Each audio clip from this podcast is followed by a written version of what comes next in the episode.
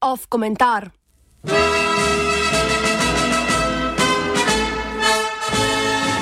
Farsični upor Prigožina.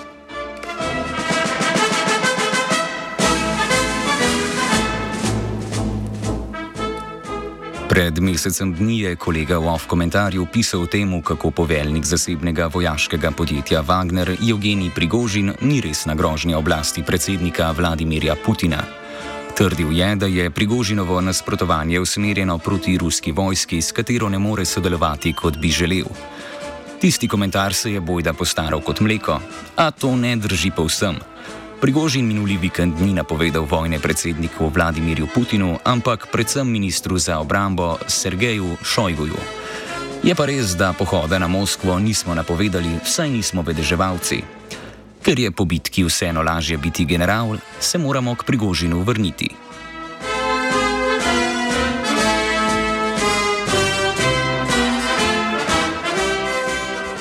Petek zvečer je Prigožin objavil 30-minutni govor, v katerem je obnovil potek vojne skozi lastne oči.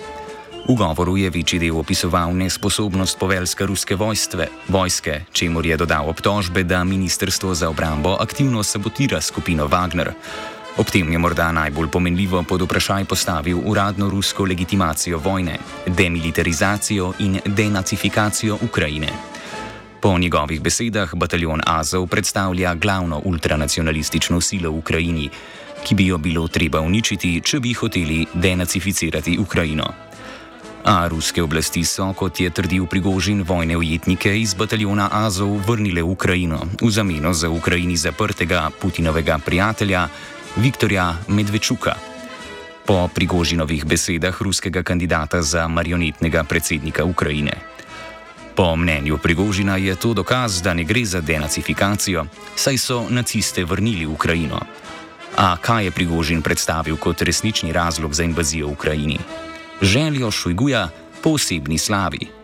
Nobene analize geostrateških interesov, nobene kritike ekspanzionizma, nobene moralne ali načelne kritike in kar je še potencijalnih razlogov za nasprotovanje vojni. Samo kritika enega človeka v vladi.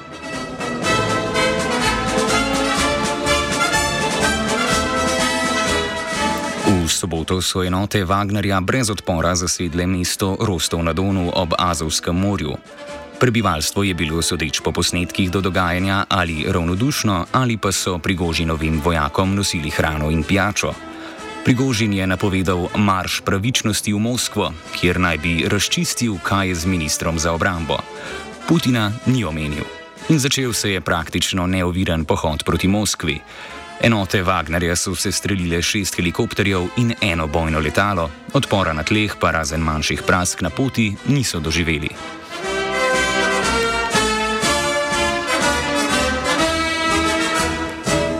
Zanesljive informacije so skope. Navedimo le nekaj primerov. Po anonimnih izjavah vojakov redne vojske, ki naj bi jih pridobil v Vodtak TV, so Prigožinov marš pravičnosti podpirali številni vojaki in celo oficiri.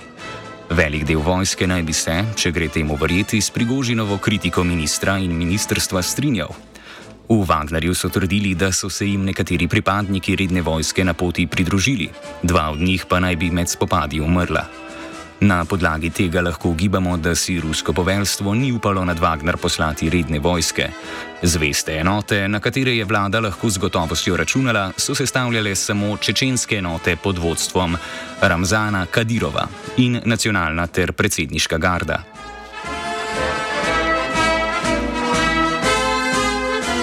Pričakovanja so bila velika. Upi mnogih položenj prigožina, v svet je napeto spremljal, kako se Wagner približuje Moskvi. Samo še 400 km, še 300 km, še 200 km. Na to pa antiklimaktičen konec. Prigožin sporoči, da se njegova vojska vrača v tabore, ker si ne želi prelivanja ruske krvi. Brez dvoma so se mnogi počutili razočarane in izdane. Najpogostejši komentar na Prigožinovo napoved umika na telegramu je bil emoji klona.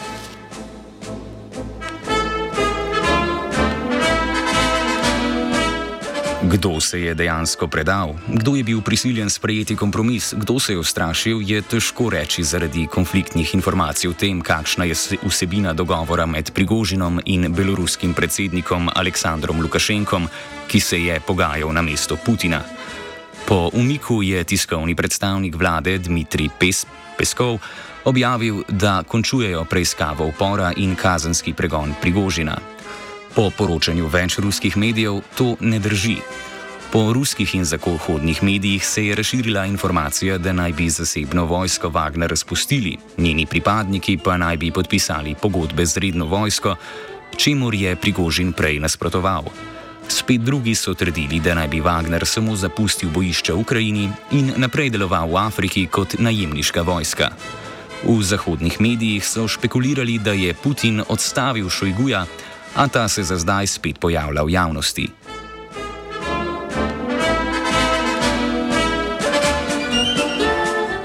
Kakšno podporo je Prigožin dejansko imel v vojski in med ljudstvom, je težko reči. O tem v enem dnevu ni mogla biti narejena sociološka raziskava in na družbenih omrežjih zagotovo ni bilo pametno javno navijati za nekoga, ki ga je Putin razglasil za terorista. Dokazi o podpori so fragmentarni in nezanesljivi.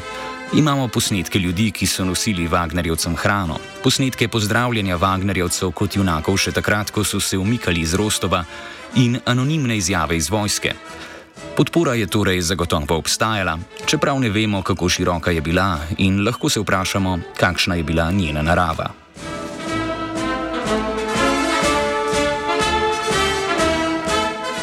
Prigožin očitno ni ideološki nasprotnik Putina, če kaj se od oblasti razlikuje po tem, da je še bolj ekstremen nacionalist. Vsa njegova kritika je usmerjena proti nesposobnosti birokracije, proti nesposobnosti ljudi na Ministrstvu za obrambo in proti njihovi skorumpiranosti. Putina samega ni nikoli kritiziral in mu tudi zdaj ni napovedal vojne. V vojni s Putinom se je vseeno znašel, ko se je Putin postavil na Šojgujevo stran, na kar Prigožin morda ni računal. Z ustrajno kritiko Ministrstva za obrambo, ne pa tudi predsednika, si je skozi mesece nabral precej podpore med prebivalstvom. Ukrajinski sociološki inštitut IKAR je pred uporom ugotovil, da je imelo več kot 60 odstotkov prebivalstva v juniju pozitiven odnos do Prigožina, kar je dobrih 20 odstotkov več kot decembra lani. IKAR navaja, da raziskave izvaja s prebivalci Rusije po telefonu. Če tudi je možno, da ikar pretirava, nam že samo dejstvo, da povsem osebno nasprotovanje prigoži na Šojguju brez politične vsebine lahko najde plodna tla, nekaj pove o politični situaciji v državi.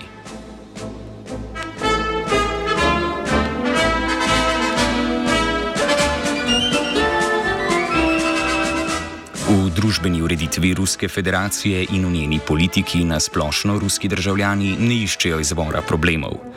Kljub temu se v njih nabira nezadovoljstvo nad življenjem v državi in nad vojno. Ob odsotnosti kakršne koli alternativne vizije in popolni depolitiziranosti prebivalstva krivde ne iščejo v sistemu, ampak v korumpiranih posameznikih, ki z njim slabo upravljajo. Ljudje, vsaj nekateri, so svoje upe potem položili v prvega, za katerega se jim je zdelo, da bo naredil red. Če, in to je velik če bi Prigožin res hotel prevzeti oblast in bi mu to uspelo, bi dobili le novega diktatorja, ki bi nadaljeval s podobnimi politikami kot Putin. Temu bi seveda sledilo razočaranje.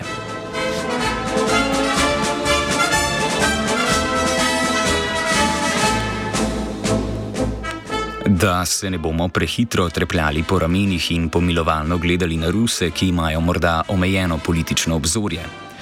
Brez vsake politične domišljije smo tudi mi. Tudi v Sloveniji je politika omejena na tekmovanje med osebnostmi in ljudje glasujejo za vsebinsko prazen novi obraz, ker jih za kratek čas prepriča, da bo boljši menedžer od prejšnjega. V Rusiji smo med vikendom spremljali bolj nasilno in spektakularno verzijo tega, kar je v osnovi značilno za neoliberalni svet na